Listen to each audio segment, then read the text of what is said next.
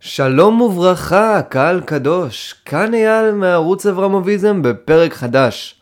היום אנחנו נמצאים בפרק הראשון בסדרה שלנו על הפילוסופיה של פרידריך ניטשה, הפילוסופיה של ניטשה.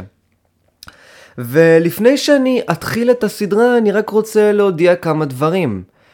אני לא העליתי פרק אני לא יודע מתי אני אעלה את הפרק הראשון הזה, אבל לא העליתי פרק נניח כבר שלוש חודשים. עכשיו זה היה פשוט כל מיני בעיות שאני אפרט עליהן אולי יותר מאוחר, אה, אבל זה לא שלא עבדתי על הפודקאסט בזמן הזה, אני עבדתי במרץ על הפודקאסט הזה. אני סיימתי כבר את הסדרה על ניטשה, אני עושה את הפרק הראשון כי הפרק הראשון יצא על הפנים, ו... בכללי כל הסדרה על ניטשה כבר מוכנה, יש משהו כמו עשרה פרקים נראה לי שהם מוכנים והם יכולים לעלות. הם כבר נמצאים אבל הם נמצאים על פרטי. אני לא מעלה אותם בינתיים, אה, את הסיבות אני אפרט בפרקים אה, הבאים אולי. גם אה, התחלתי סדרה על מכניקת הקוונטים כמו שהבטחתי בסדרה שלי על פיזיקה קלאסית. ויש עוד סדרה, שזו נראה לי הסדרה הכי טובה שהולכת לצאת בפודקאסט הזה, ו... היא סדרה שנקראת אני סוקרטס, אמ, סדרה בעלת 5-6 פרקים, 5-6 פרקים, סדרה פשוט מאלפת, מדהימה, מצחיקה מאוד וקשה מאוד לעיכול, אוקיי? להבנה היא לא בדיוק קשה, כי זה יותר פילוסופיה שלי, ואני רק מתחיל, אבל היא בהחלט קשה מאוד לעיכול, אני אומר שם דברים מאוד קשים. אז ככה, בפרק הראשון הזה, הפרק הראשון על הפילוסופיה של ניטשה, אני רציתי קודם כל לעשות מיין הקדמה שמסבירה למה ניטשה כתב את הפילוסופיה של ניטשה. מה הוביל את ניטשה לכתוב כמו שהוא כותב, מה, ומה בכללי הוביל את ניטשה לבקר באופן כל כך חריף את התרבות שהוא חי בה. איזה מנגנונים גרמו לניטשה לבנות את התיאוריה, הפילוסופיה המהפכנית הזאת שלו. ואני חושב שכדאי מאוד להתחיל, בשביל להבין את זה, עם ההידרדרות המחפירה של פילוסופיה במחצית של המאה ה-19. ב-1850, בין 1848 ל-1850, חלה הידרדרות קטלנית בפילוסופיה, ואנשים פשוט התחילו לזלזל ולא להאמין יותר בפילוסופיה. אנשים התחילו להאמין יותר במדע.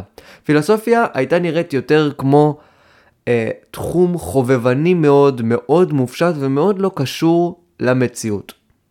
עכשיו, הדבר הזה קרה בתכלס בגלל הגל. ולפני שאני מתחיל עם הגל, אני רוצה בכללי להסביר מהי פילוסופיה ואיך אנשים פעלו בפילוסופיה ואיך בכללי פילוסופיה פעלה. עכשיו אני נתתי את ההגדרה הזאת בסדרה שלי על פיזיקה קלאסית, אני אתן את ההגדרה הזאת עכשיו פעם נוספת ואני ארחיב עליה מעט וארחיב בכללי על התחום. פילוסופיה בסופו של דבר היא מערכת טיעונים סגורה, לפחות זה מה שהיה עד, עד המחצית של המאה ה-19, מערכת טיעונים סגורה בנושא מסוים. הנושא הזה יכול להיות אתיקה, מטאפיזיקה, אפיסטמולוגיה ועוד הרבה נושאים אחרים, אפילו אסתטיקה. אוקיי? אני יוצר איזושהי מערכת של טיעונים, חשוב שהמערכת תהיה קוהרנטית, כלומר עקבית, והיא תייצג איזושהי עמדה בתחום הזה. יש אפיסטמולוגיה, אני תומך באמפיריציזם באפיסטמולוגיה, אז אני יוצר מערכת טיעונים לטובת האמפיריציזם, ומבקר את האידיאליזם של ברקלי אולי, אוקיי? נניח עכשיו שאנחנו רואים את ברקלי, אני חושב שברקלי היה במאה ה-17, והוא יושב וכותב לו בתחום אפיסטמולוגיה את הפילוסופיה שלו. והוא אומר שהעולם הוא לא כמו שאנחנו חושבים, העולם הוא לא אובייקטיבי והוא לא מוחלט. אה, אני חושב, אני לא בטוח אה, אם הוא אמר את זה בדיוק, אלא העולם הוא בסך הכל איזשהו עיוות מנטלי שנובע מתוך השכל שלנו, ואנחנו לא משיגים את המידע מהעולם, אלא העולם מעוצב על ידי השכל, הוא מתחיל להוכיח את זה בכל מיני טענות מאוד מעניינות, והוא מוציא לאור את הספר שלו. ועכשיו מגיע ג'ון לוק ואומר, אני לא מסכים איתך. אני חושב שמה שאתה אומר זה טעות. אז מה שג'ון לוק צריך לעשות זה שתי דברים.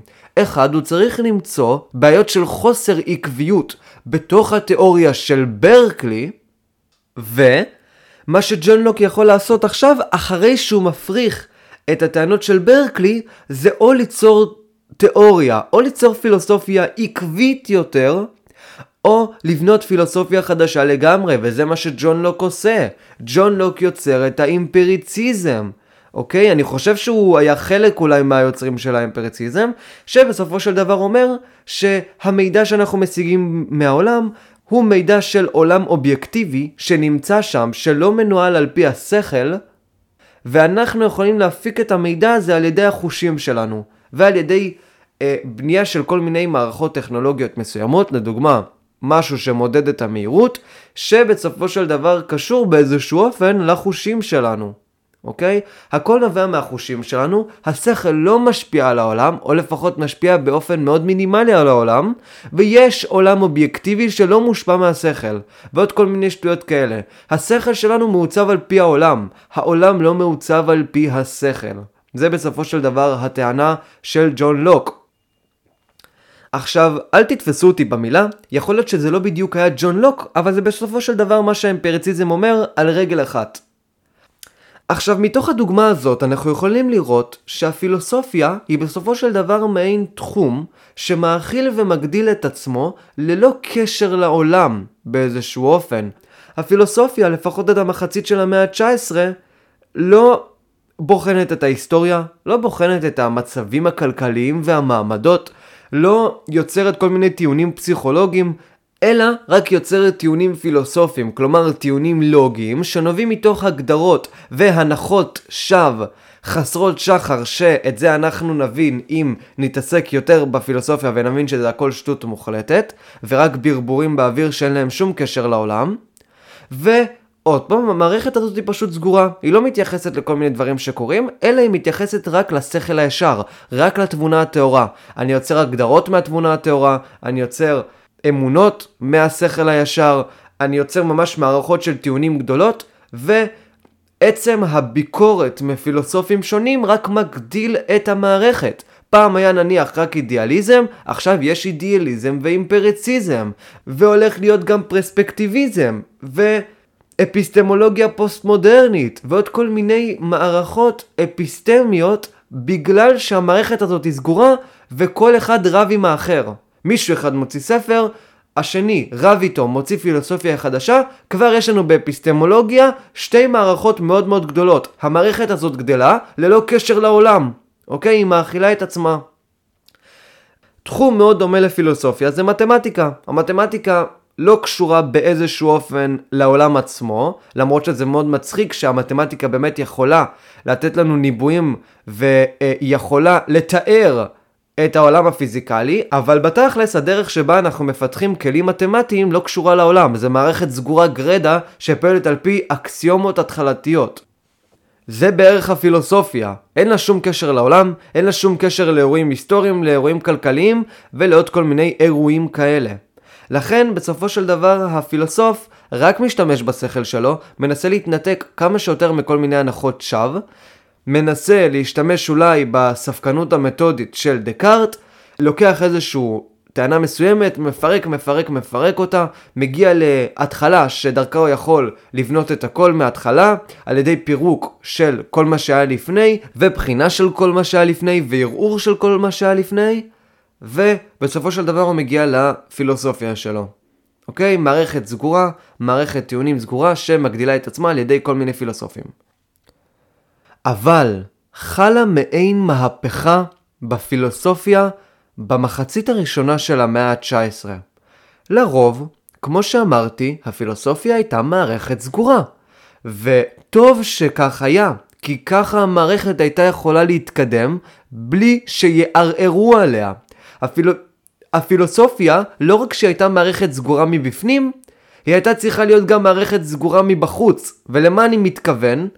בדיוק כמו שתחומים חיצוניים לא השפיעו על הפילוסופיה, הפילוסופיה לא הייתה צריכה להשפיע על תחומים חיצוניים. הפילוסופיה לא הייתה צריכה ללכת למדע ולהתחיל לטעון עליה כל מיני דברים.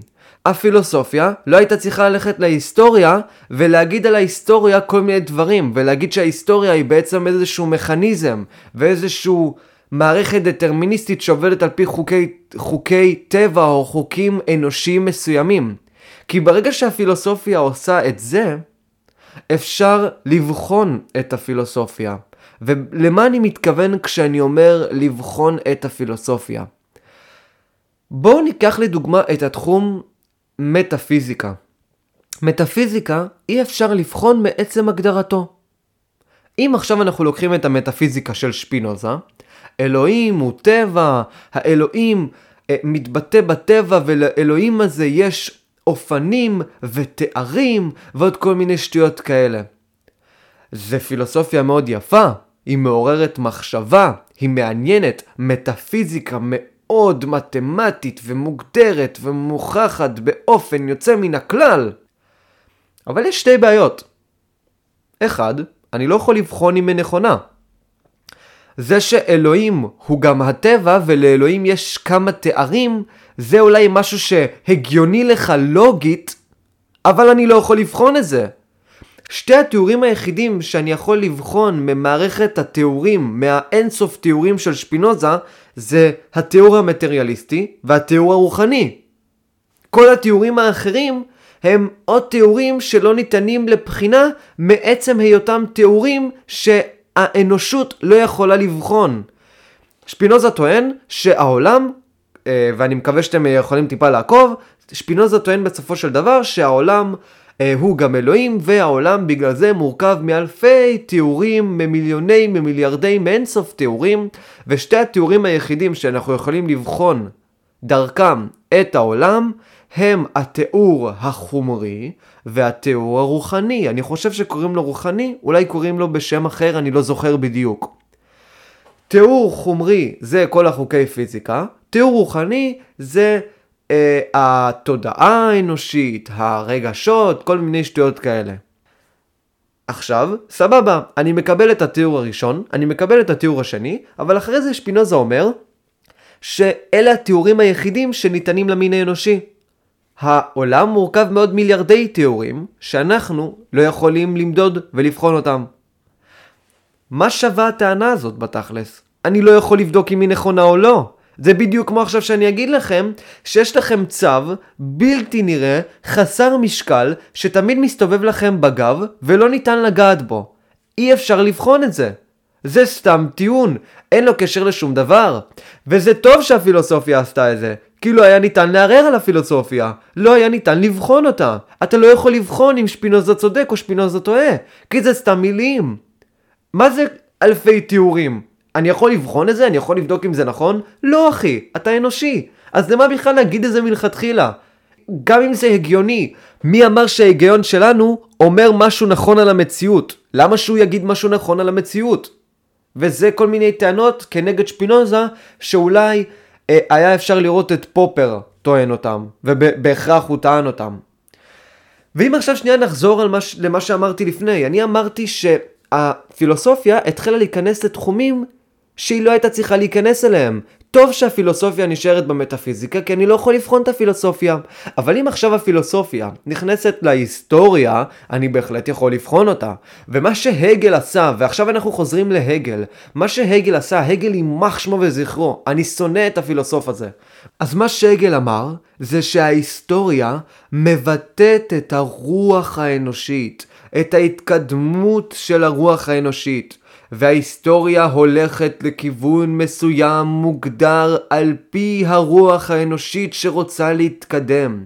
ולדידו, הרוח האנושית רוצה להתקדם לעולם פלורליסטי יותר, ליברלי, מקבל, פרוגרסיבי וכל מיני מילים כאלה. הרוח האנושית מבטאת את היכולת של בני האדם להיות יצורים רציונליים יותר, והגל ראה, במיוחד עם המהפכה הצרפתית, והנה, המהפכה הצרפתית משפיעה על הפילוסופיה. הגל ראה שהמהפכה הצרפתית קידמה ערכים הרבה יותר רציונליים והגיונים, ולכן, על ידי הוכחה היסטורית, הגל טען בסופו של דבר שהאנושות מתקדמת למקום מסוים, מקום מוגדר, איזושהי אוטופיה. וכשאתה אומר דבר כזה, אתה בסופו של דבר אומר שההיסטוריה היא לא מקרית והיא עובדת על פי חוק טבע מסוים, או עובדת על פי חוק מסוים. לא ניתן להתחמק מהחוק הזה, מעצם היותו חוק מוגדר מוחלט כמו חוק טבע, ולכן ההיסטוריה מתקדמת לכיוון מסוים. עכשיו, זה יכולה להיות מחשבה מאוד יפה. הרוח האנושית מתבטאת בהיסטוריה. אנחנו יכולים ממש לראות את ההתקדמות של הרוח האנושית במהלך ההיסטוריה. זה יפהפה, זה מדהים. אבל למה זה מביא? זה מביא לכך שאני יכול לבחון את זה. ואם עכשיו יש לי מהפכה שעל פי הרוח האנושית חייבת לפעול ולהצליח, ופתאום היא לא מצליחה, אנשים מתחילים לערער בפילוסופיה של הגל, בהיסטוריציזם של הגל. כי מה זה היסטוריציזם? כמו שאמרתי לפני, או לא אמרתי, אני לא בדיוק זוכר. היסטוריציזם זה בסופו של דבר התפיסה שאומרת שההיסטוריה פועלת על פי מכניזמים מסוימים, על פי חוקים מסוימים, ובסופו של דבר הולכת למקום מוגדר מסוים בגלל החוקים האלה. אז אנחנו עכשיו מדברים על ההיסטוריציזם ההגליאני, ואיך אני יכול לבחון את ההיסטוריציזם ההגליאני? אני יכול לראות אם הוא מתקיים. אני יכול לראות אם האנושות באמת מתקדמת למקום שהגל אמר שהיא צריכה להתקדם. האם האנושות הצליחה להתקדם למקום הזה? יש אנשים שיכולים להגיד שכן, יש אנשים שיכולים להגיד שלא. במחצית של המאה ה-19, לא. היו הרבה מהפכות, כמו המהפכה הצרפתית, שהיו יכולות להתקיים, היו צריכות להתקיים כדי שהאנושות תגדל ותפרח במונחים ההגליאנים, והם לא קרו, הם נכשלו. אוקיי? ולכן אנשים התחילו לזלזל בהגל, ובגלל שהגל היה הפילוסוף הכי משמעותי באותה תקופה, אנשים אמרו, אז מה שווה כל הפילוסופיה אם ברגע שאנחנו מכניסים אותה לעולם, היא לא פועלת, היא לא נכונה, היא שגויה. אנשים בכללי התחילו לזלזל בפילוסופיה. למה שאני אשתמש בפילוסופיה שהיא כבר איזושהי אה, מערכת שלא השתנתה 2500 שנה ואני לא אעבור למדע? המדע יכול להגיד לי דברים נכונים על העולם. המדע לא משקר, המדע עובד במציאות. הקריטריון הכי חזק שאני יכול לבחון דרכו אם המדע אומר אמת או שקר, היא אם המדע מצליח להפיק כל מיני מכונות וטכנולוגיות חדשות על ידי התיאוריות המדעיות. כלומר, יש לדוגמה את התיאוריה של ניוטון על כוח הכבידה, ומהתיאוריה הזאת הצלחתי לבנות איזושהי מכונה שהצליחה לעשות כל מיני דברים. עכשיו, אם התיאוריה הזאת לא הייתה נכונה, לא הייתי יכול לבנות את המכונה הזאת. ועוד כל מיני טיעונים כאלה שבסופו של דבר אומרים שהמדע הוא נכון והפילוסופיה לא. היו עוד כל מיני פילוסופים, כמו הגל, שיצרו כל מיני תיאוריות היסטוריציסטיות, תיאוריות אפילו של הפילוסופיה של המדע, והתיאוריות האלה היו שגויות, הפילוסופיות האלה היו שגויות. כמעט כל הפילוסופיות נחרבו. ולמה הן נחרבו? כי היה אפשר למדוד אותם, היה אפשר לבחון אותם. עכשיו קרל פופר יגיד בספר שלו החברה הפתוחה ואויביה, או אה, הספר האחר שלו על המדע, שלא בדיוק ניתן לבחון את התיאוריה של ההיסטוריציזם ההגליאני, כי אה, הגל יכול להגיד שבמצב הזה והזה, טוב שהאנושות אה, לא יצרה מהפכה כי ככה וככה וככה. אבל זה לא משנה עכשיו, מה שמשנה זה שלפחות התפיסה הייתה ככה. אנשים אה, זנחו את הפילוסופיה כי הפילוסופיה פשוט לא הייתה מדעית. היא לא הייתה תחום מדעי, וקרל פופר צודק במה שהוא אומר. לא באמת ניתן לבחון את ההיסטוריציזם, או שברגע שאני בוחן את ההיסטוריציזם, אני רואה שיש לו בעיות של חוסר עקביות. אה, אה, ההיסטוריציזם ההגליאני אני מתכוון. שאומר שכמו שאמרתי שההיסטוריה מתקדמת למקום מסוים, אני רואה שהיא לא מתקדמת למקום מסוים. אוקיי? אז יש בזה שתי בעיות. פופר יגיד שלא ניתן בכלל לבחון את זה, כמו שהיה עם uh, שפינוזה, כמו שהצגתי עם הדוגמה של שפינוזה, ואנחנו רואים שהמדע גדל וגדל והפילוסופיה קטנה וקטנה בגלל זה, כי את המדע אני יכול לבחון, ואם כן ניתן לבחון את ההיסטוריציזם, אנחנו רואים שהוא לא בדיוק פועל. יש לנו כאן כבר שתי בעיות בפילוסופיה. ועוד פעם, הגל היה הפילוסוף המרכזי, הגל היה הפילוסוף הכי חשוב, וכאשר הפילוסופיה של הגל נהרסת, כל הפילוסופיות האחרות נהרסות. אוקיי? לא היה עוד הרבה פילוסופיות אחרות, לא היה עוד הרבה גאונים גדולים בפילוסופיה, הגל היה הדמות המרכזית. הגל היה כמו בור במכניקת הקוונטים, שכמעט כל התלמידים היו תלמידים של בור ולא תלמידים של איינשטיין ושל שריידינגר. הם היו תלמידים של בור, בדיוק כמו שכולם היו תלמידים של הגל. והגל נכשל. עכשיו, אם שנייה נמשיך עם הטענות כנגד ההיסטוריציזם ההגליאני, אנחנו יכולים לראות גם שההיסטוריציזם ההגליאני לא עובד כיום, אוקיי? הגל היה מזדעזע מהמצב האנושי כיום. אנחנו, בני האדם, נשארנו חרדים. וכשאני אומר חרדים, אני מתכוון לאנשים שתלויים במשהו. אנחנו תלויים בטכנולוגיה, אנחנו תלויים ב... שלנו, אנחנו תלויים ברצון העז הזה של לא לחשוב לבד, אנחנו תלויים בטרנדים ואנחנו תלויים בעוד כל מיני אה, דברים שמשנים ומשפיעים על השכל האנושי ועל התרבות האנושית. יותר מזה, אני שמעתי פעם אחת משפט של פרופסור הנרי יונגר, משפט שאני כל כך מסכים איתו, שאמר שחברות הטלפונים מתחרות בינן לבין עצמן איזה חברה יכולה להשבית כמה שיותר חלקים במוח. שימו לב, הטלפונים הצליחו להשבית לנו הרבה מאוד חלקים במוח. היכולת לדוגמה לחשב לבד, אנחנו כבר לא מחשבים לבד, אנחנו ישר פותחים את הטלפון ונכנסים למחשבון. היכולת אה, לחשוב לדוגמה איזה מסעדה כדאי ללכת אה, לאכול בה, אנחנו פשוט בודקים ביקורות. היכולת להגיע לתובנות לבד, אנחנו לא צריכים יותר תובנות, להגיע לתובנות לבד, אנחנו פשוט פות, פותחים פודקאסט כשאנחנו הולכים לטייל או כשאנחנו הולכים להתאמן או כל מיני שטויות כאלה. Uh, כן, אני עכשיו עושה את הפודקאסט הזה וזה מאוד אירוני, אבל אני מתנגד חריף לשמיעה של פודקאסט יותר מאולי פעמיים בשבוע. לא ולא, ממש לא, אדם צריך לחשוב לבד, אם יש לו לפחות זמן לחשוב, תחשוב לבד. אנחנו כל הזמן עסוקים בצריכת תוכן, בין אם הוא גרוע ובין אם הוא טוב, שזה לא משנה כבר אם התוכן באמת גרוע או אם התוכן באמת טוב, אנחנו לא יכולים לחשוב לבד. הדרך שבה אנחנו חושבים היא אך ורק על ידי זה שאומרים לנו משהו, על ידי מעין אינדוקטרינציה. אנחנו לא חושבים לבד ואנחנו לא מגיעים ל... תובנות לבד, אוקיי? מה שאני תומך בו, וזה אולי אני אציג בפרקים הבאים, זה לדוגמה אם אתה קורא ספר, אז אתה לא פשוט קורא את הספר, אתה בוחן אותו, אתה שואל שאלות עליו, אתה מערער בו. אוקיי? אתה אומר, אני חושב שזה לא נכון, ועכשיו אתה מנסה להוכיח למה זה לא נכון. עכשיו, אני לא מדבר ספציפית על ספר רומן, אוקיי? רומן אם יש חלקים שאתה חושב שהם לא נכונים, לדוגמה כל מיני שאלות מוסריות שאתה חושב ההפך ממה שהכותב כותב, אז uh, סבבה, אתה יכול לערער על זה.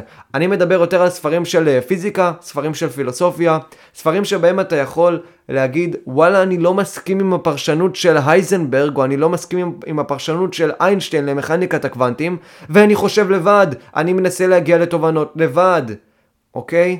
זה משהו שהאנושות לא מסוגלת כבר לעשות, כי זה קשה. יש לנו ישר את היכולת להסיק ולהפיק תובנות על החיים מהיוטיוב, מהספוטיפיי ומכל החרא הזה. ועגל עכשיו מתהפך בקברו. האנושות רק מידרדרת, אולי מבחינת האינטלקט, רק מידרדרת יותר ויותר. גם מבחינה פיזית, כן? שלא תטעו. אה, אנחנו לא צריכים יותר אה, לעבוד יותר מדי מבחינה פיזית כדי לקדם באיזשהו אופן את האנושות. להפך, האנשים שמקדמים הכי הרבה את האנושות הם האנשים שעובדים הכי פחות מבחינה פיזית, אוקיי? אז פיזית אין בכלל על מה לדבר, ואינטלקטואלית כאילו, אולי אנחנו כן אנשים בעלי ידע רחב, ובוא נגיד שהידע שלי עכשיו הוא ידע עצום וכביר יותר מהידע שהיה לקאנט אה, בסוף חייו, אבל הידע הזה לא שווה כלום אם אני לא מסוגל להפיק תועלת מהידע הזה. הידע שהיה לפילוסופים אה, היוונים, לפילוסופים אפילו של המאה ה-17, לא משתווה לידע שיש לי עכשיו. האם זה אומר שאני חכם יותר מהם? לא, זה לא אומר שאני חכם יותר מהם. אני בקושי מצליח להשיג תובנות חדשות מעצמי, לא מצליח לבנות טענות חזקות וטובות יותר, לא מצליח לפתח את האינטלקט שלי כך שהוא יוכל לפעול לבד ולא יצטרך עזרה של טלפון וכל מיני שטויות כאלה. אז אם עכשיו הגל היה מסתכל על האנושות, כמו שאמרתי, הוא היה מתהפך בקברו. ולכן, עוד פעם, ההיסטורציזם שגה. ההיסטורציזם ההגליאני שגה. ההתקדמות האנושית אינה נעה באופן ליניארי. ולכן בסופו של דבר, הפילוסופיה נכנסת למשבר. 1849, 1850, הפילוסופיה נמצאת במשבר, ואנשים כבר מתחילים להתרחק מהפילוסופיה, האינטלקטואלים מתחילים להתרחק מהפילוסופיה. ומתי ניטשה נולד? 1844. אבל ניטשה לא למד פילוסופיה. ניטשה לא היה מומחה לפילוסופיה, זה לא היה התחום של ניטשה. בצדק זה לא היה התחום של ניטשה. אנשים, אנשים לא הגיעו לשיעורי פילוסופיה. פילוסופיה הייתה במצב הכי גרוע שהייתה יכולה להיות בו. ההשוואה הכי טובה של המצב של פילוסופיה זה אולי הדרך שבה אנחנו מסתכלים על פילוסופיה כיום. כיום אנשים שלא מתעסקים בפילוסופיה מסתכלים על פילוסופיה בזלזול רב. כשמישהו בא אליהם ואומר אני לומד פילוסופיה באוניברסיטה, הם חושבים שהוא דפוק. מה זה פילוסופיה, אחי? תלמד מדע, תלמד אדריכלות, אחי. פילוסופיה, אתה כאילו לגמרי בעננים, אתה לא קשור לעולם הזה, אתה מנותק מהעולם ומנותק מהמציאות. נכון? היום יש זלזול קיצוני מאוד כלפי פילוסופיה. וזה בערך היה היחס של ההמון ושל האליטה האינטלקטואלית כלפי הפילוסופיה. אנשים התעניינו יותר במוזיקה, אנשים התעניינו יותר בספרות, באומנות, הפילוסופיה נשארה עם הגל, הפילוסופיה מתה עם הגל, ואמרו כבר ב-1900, כבר ח... תבינו, 50 שנה לא עסקו בפילוסופיה, רק ב-1900 אמרו, אוקיי, בואו נחזור לקאנט. עכשיו, עצם הזלזול בפילוסופיה הוביל למשהו מאוד מעניין. הגדרה מוחלטת לפילוסופיה לא היה, כי הנה אנחנו רואים שפילוסופיה יכולה להתערב בהיסטוריה, ובעוד כל מיני שטויות כאלה. דרך כתיבה לפילוסופיה לא היה, לא בגלל שהדרך כתיבה הקודמת נשללה, הדרך הכתיבה הלוגית, העקבית, נשללה, אלא פשוט כי לאף אחד לא היה אכפת איזה דרך כתיבה תשתמש בפילוסופיה. פילוסופים כמעט לא היו, ו... מהות ומטרה של פילוסופיה לא הייתה מוגדרת, עוד פעם בגלל הקריסה שלה. ולכן פילוסופים מ-1850 ועד 1900 שרצו להיכנס לפילוסופיה, היו יכולים להגדיר אותה מחדש. היו יכולים לבנות הגדרות מחדש או לבטל בכלל את עצם המושג של הגדרות. הם היו יכולים לעשות מה שבא להם. וזה מה שניטשה עשה. אבל שלא תטעו קהל קדוש. ניטשה, בניגוד לזרם, לא רצה להיות פילוסוף. ניטשה היה כמו כולם, גם ניטשה זלזל בפילוסופיה. ניטשה רצה להיות מלחין, ודמות האב שלו היה וגנר, וניטשה טען שווגנר לא היה קשור לדורו, וגם וגנר טען על עצמו שהוא לא קשור לדורו. וכשאני מתכוון ללא קשור לדורו, אני מתכוון לכך שהיצירות של וגנר היו כל כך מופלאות, שהבמות לא היו יכולים להפיק את המוזיקה שווגנר באמת היה רוצה שהם יפיקו. לא היה את הכלים כדי להפיק את המוזיקה העילאית שלו. היה צריך לחכות כמה דורות כדי שהמוזיקה תתפתח והטכנולוגיה תתפתח כדי לאפשר למוזיקה של וגנר לחיות.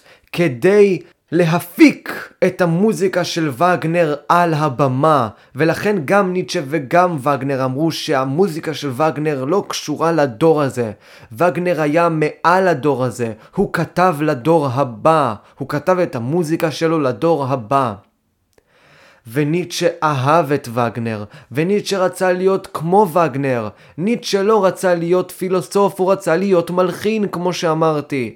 הוא אהב מוזיקה, הוא טען גם בספר שלו, בעת שהומו, הוא טען שיום ללא ריקוד ויום ללא מוזיקה הוא יום מבוזבז, קהל קדוש. ובנוסף לכך, ניטשה ראה במוזיקה של וגנר את ההקמה לחיים של הטרגדיות היווניות.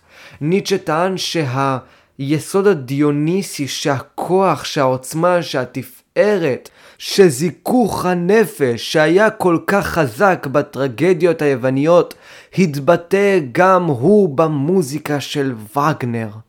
אוקיי? ניטשה אהב מאוד את המוזיקה של וגנר, ווגנר, כמו שאמרתי, היה כמו דמות אב בשביל ניטשה, כי ניטשה גדל רק עם אחות, עם אם ועם דודות, הוא חי עם נשים והוא רצה דמות אב, ווגנר גם אמר בעצמו שניטשה הוא כמו הבן המאומץ שלו. אבל, אה, כמו האב השני שאני הולך לדון בו עוד מעט, גם האב הזה, גם וגנר, הולך לעצבן מאוד את ניטשה, והם הולכים לריב מריבה מאוד מפורסמת, ולכן ניטשה מנתק את הקשר בינו לבין וגנר, ואף כותב על וגנר מאמרים קשים ומעוררי חרפה, באמת מאמרים בוטים על המוזיקה של וגנר ועל וגנר עצמו. אז הקריירה כמלחין לא צלחה. מה עם הקריירה שלו בפילולוגיה? מי שלא יודע, ניטשה לא היה פילוסוף. זה לא היה המקצוע שלו. הוא לא היה פרופסור או דוקטור לפילוסופיה, הוא לא למד פילוסופיה באוניברסיטה, הוא למד פילולוגיה. מהלמידה שלו בפילולוגיה הוא היה צריך ללמוד פילוסופיה. לדוגמה, הוא למד הרבה את הפילוסופים היוונים, והידע שלו בפילוסופיה היוונית היה רב יותר מפילוסופים רגילים, בגלל הידע הרב שלו בפילולוגיה. מי שלא יודע מה זה פילולוגיה, פילולוגיה זה חקר של שפות, ויותר נכון חקר של שפות עתיקות.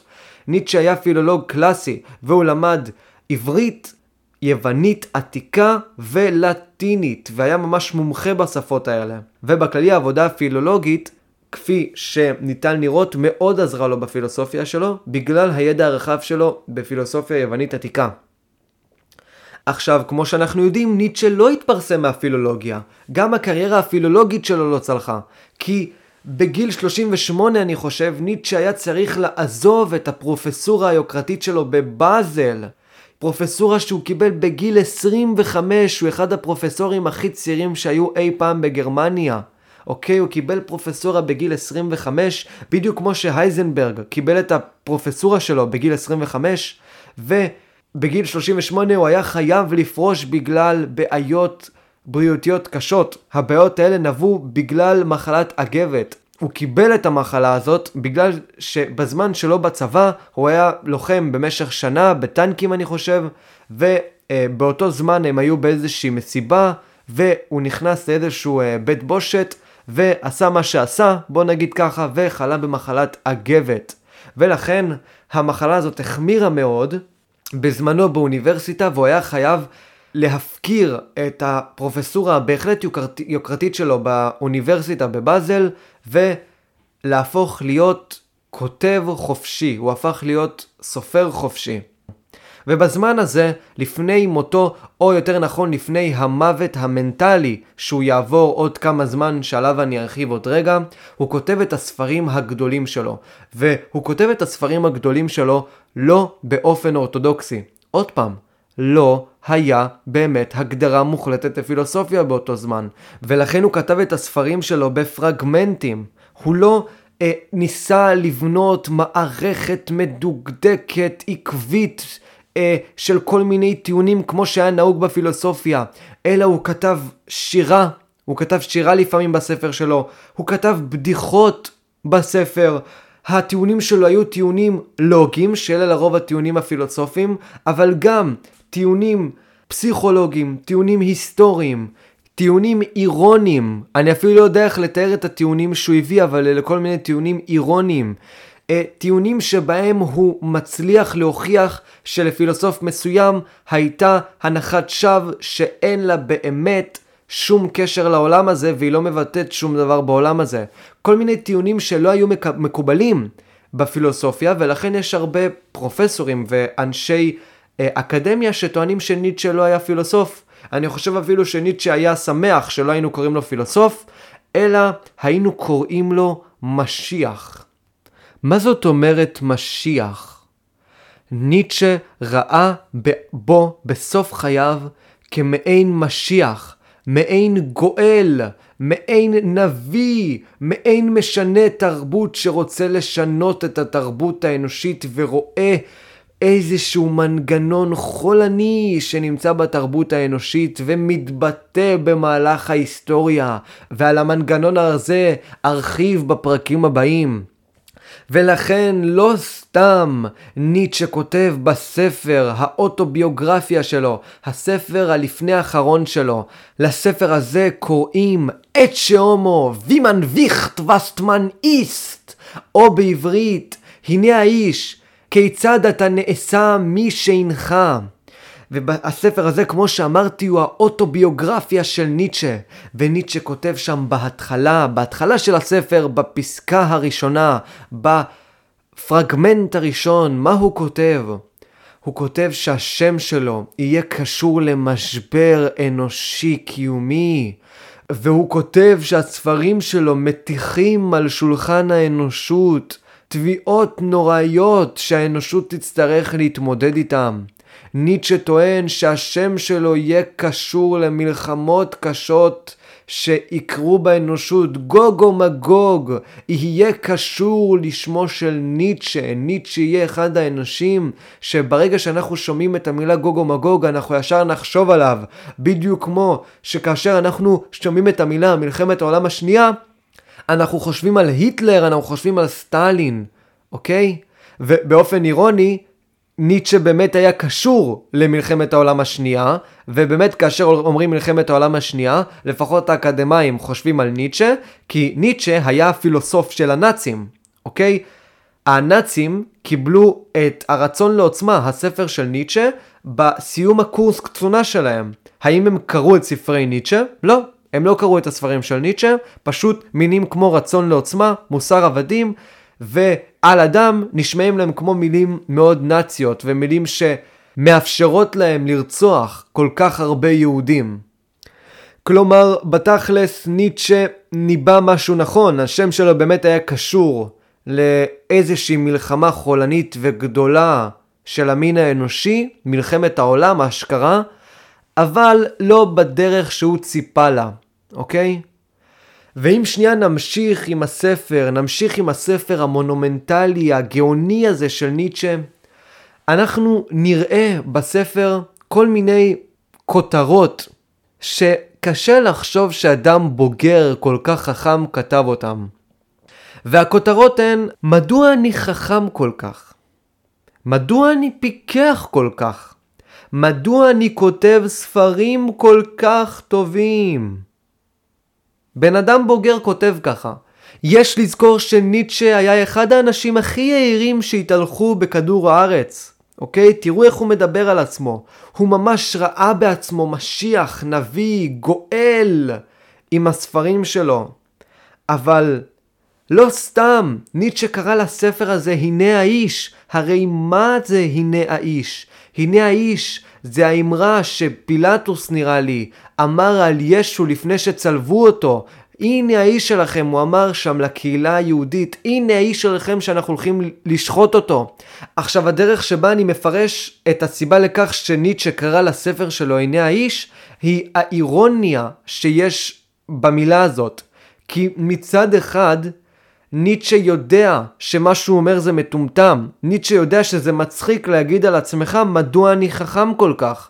אבל מצד שני יש טיפת אמת בדברים שלו. הוא באמת מרגיש ככה. ולכן ניטשה חושב שאנחנו אנחנו בתור קוראים נוכל אולי לסלוח להתנהגות הילדותית הזאת שלו, להתנהגות שבה הוא באמת חושב שהוא מעין איזשהו נביא, מעין משיח. ולכן מצד אחד הוא אירוני, הוא צוחק שהוא קורא לעצמו ככה, אבל מצד שני הוא באמת מאמין שהוא, שהוא כזה, הוא באמת מאמין שהוא מעין גואל, ולכן הוא קורא לעצמו, הנה האיש, הנה האיש, הנה הגואל שלכם, אוקיי? למרות שפילטוס אמר את זה על ישו באופן מלגלג, הוא צחק על ישו, זה האיש שלכם, תראו, כזה אפס, כזה חלש, הוא מי שיושיע אתכם.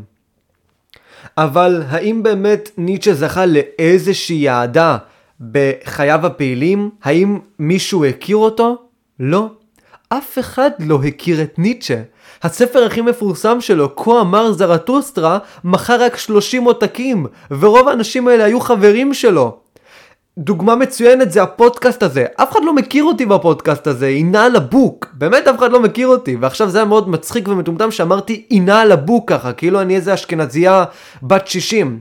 אבל אני ממש מרגיש עכשיו כמו ניטשה. יש לי שתי צופים בלחץ ואף אחד לא נראה לי שמע את הפרקים האלה מהתחלתם ועד סופם. למרות שאני יודע שדוד שלי ודודה שלי שמעו את אחד הפרקים האלה במלואם. כאילו, אפילו חברים שלי לא שמעו את הפודקאסט הזה. מקווה שזה עוד מעט תשתנה. אם כבר אנחנו מדברים על שינויים, אני רוצה לדבר על השינוי שניטשה עבר בחייו הפילוסופיים מספריו הראשונים לספריו האחרונים.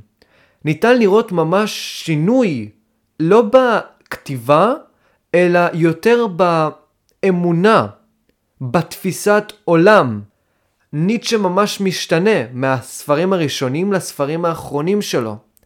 הוא משנה לגמרי את הדרך שבה הוא רואה את העולם עצמו. כלומר, האם הוא רואה את העולם באופן טוב או רואה את העולם באופן רע? האם הוא שונא את העולם או אוהב את העולם?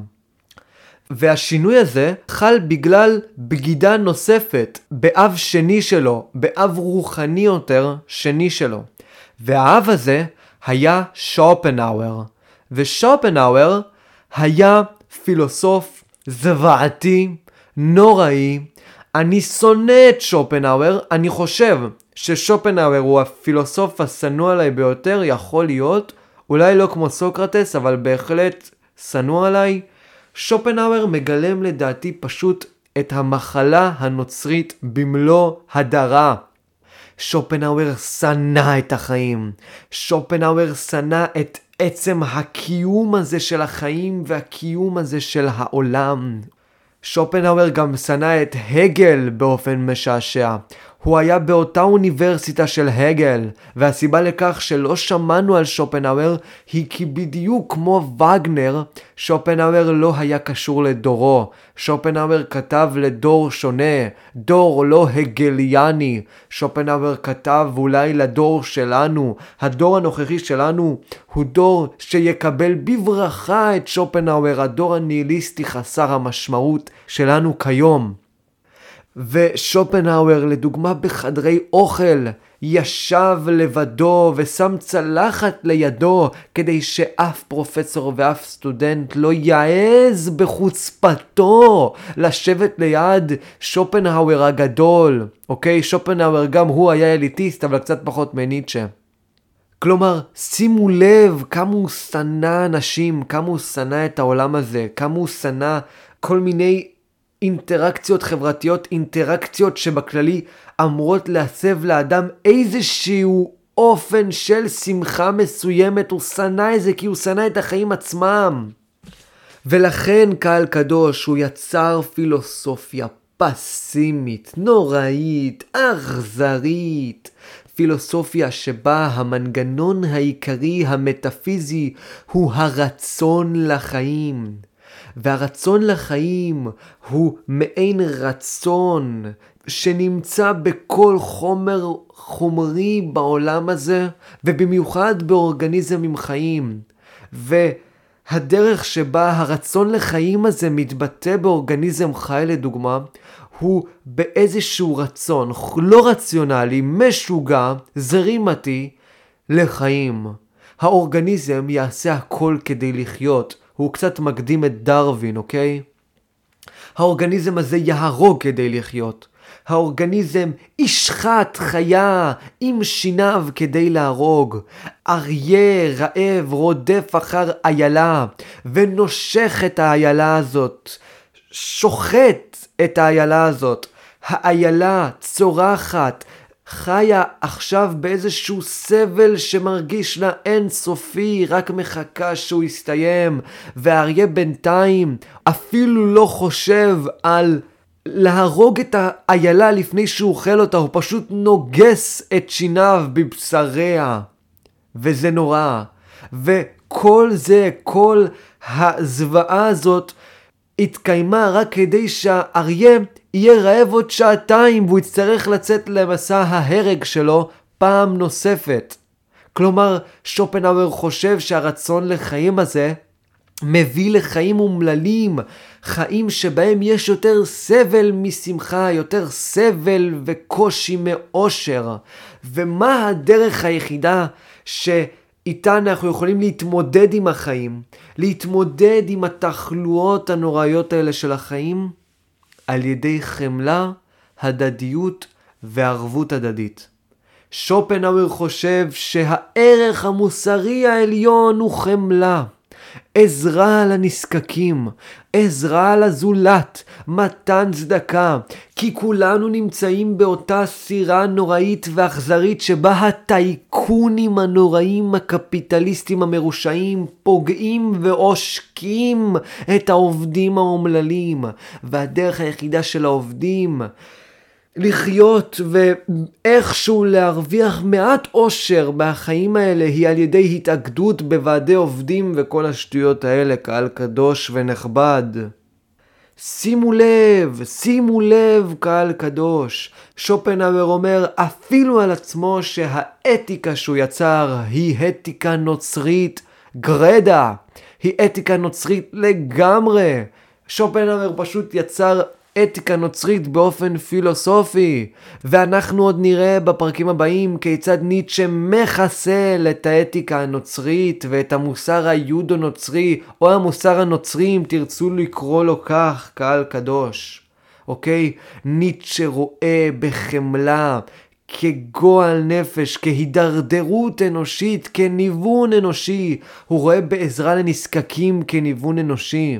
וכבר עכשיו אני אומר לכם, כל מה שאתם חושבים, כל תפיסת עולם שיש לכם, ניטשה חושב אחרת. אתם חושבים שצריך לעזור לנזקקים? ניטשה חושב אחרת. אתם חושבים ששנת שירות הוא מעשה עילאי? ניטשה חושב אחרת. אתם חושבים שחמלה ורחמים הם ערכים עליונים? ניטשה חושב אחרת. אתם חושבים שקפיטליזם בתכלס זה רשע וסוציאליזם זה טוב, ותמיד כשאתם אומרים קפיטליזם יש לכם איזושהי אה, גוון רשעי בפה, איזושהי הרגשה כזאת רשעית, אה, אני קפיטליסט רשע, ניטשה חושב אחרת. אתם חושבים שההיגיון שלכם שווה משהו בעולם הזה? ניטשה חושב אחרת. אתם חושבים שדרך האינטלקט שלכם אתם יכולים להגיע לכל מיני אמיתות בעולם? ניטשה חושב אחרת, קהל קדוש. ולכן, ניטשה היה חייב להתנתק משופנהאואר, כי ניטשה הוא היה היחיד כמעט שקרא את שופנהאואר בגרמניה, היה היחיד שכיבד את שופנהאואר, ולכן הוא היה ממש אליל עבור ניטשה, והיה ממש ניתן לראות את זה בספרים הראשונים של ניטשה. אבל בספרים האחרונים חל ניתוק, חלה פתאום שנאה אכזרית כלפי שופנהאואר וכלפי שונאי החיים הנוצריים למיניהם. אוקיי?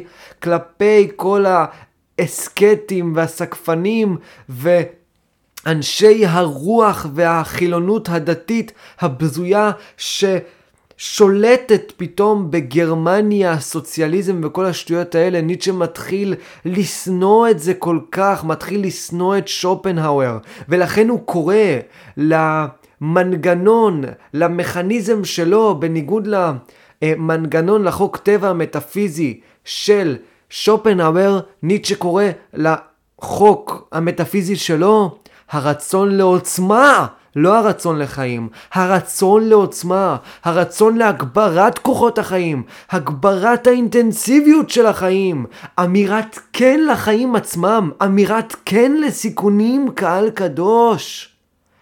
הרצון לעוצמה עבורו הוא טוב כשלעצמו. זה לא המטרה עבור ניטשה שחשובה, זה עצם הגברת העוצמה. אנחנו לדוגמה מתאמנים בחדר כושר ואנחנו חושבים שאנחנו מתאמנים לעבר מטרה מסוימת.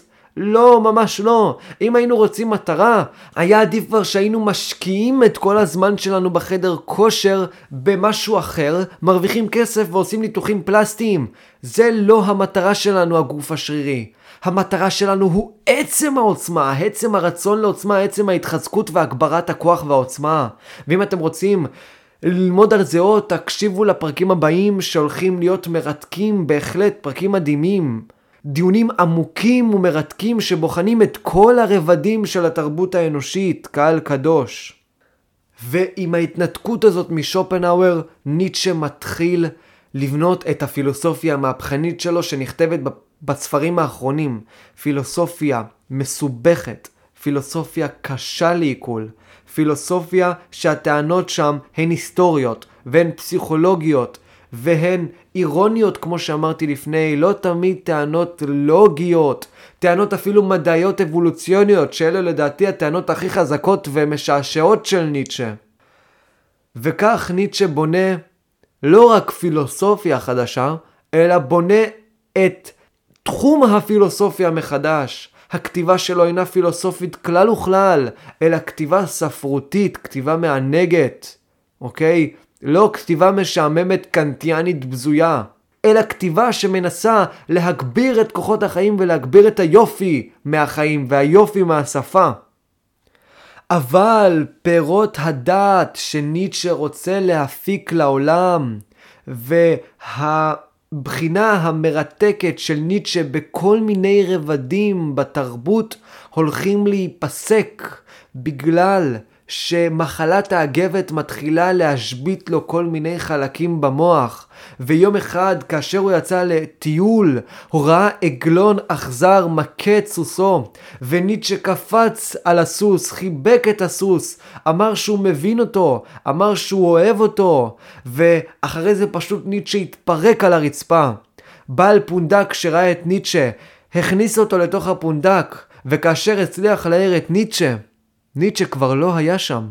פרידריך ניטשה נעלם.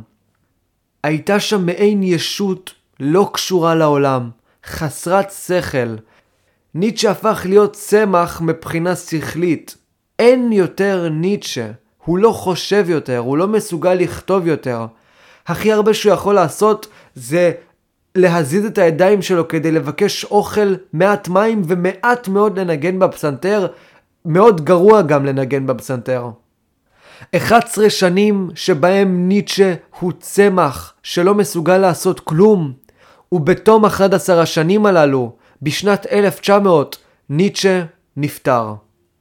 אבל הפילוסופיה שלו החלה לצוץ בכל מיני אוניברסיטאות בגלל מישהו שקוראים לו וולטר קאופמן, שהצליח להשיג את הספרים של ניטשה והתחיל להפיץ אותם ברחבי העולם.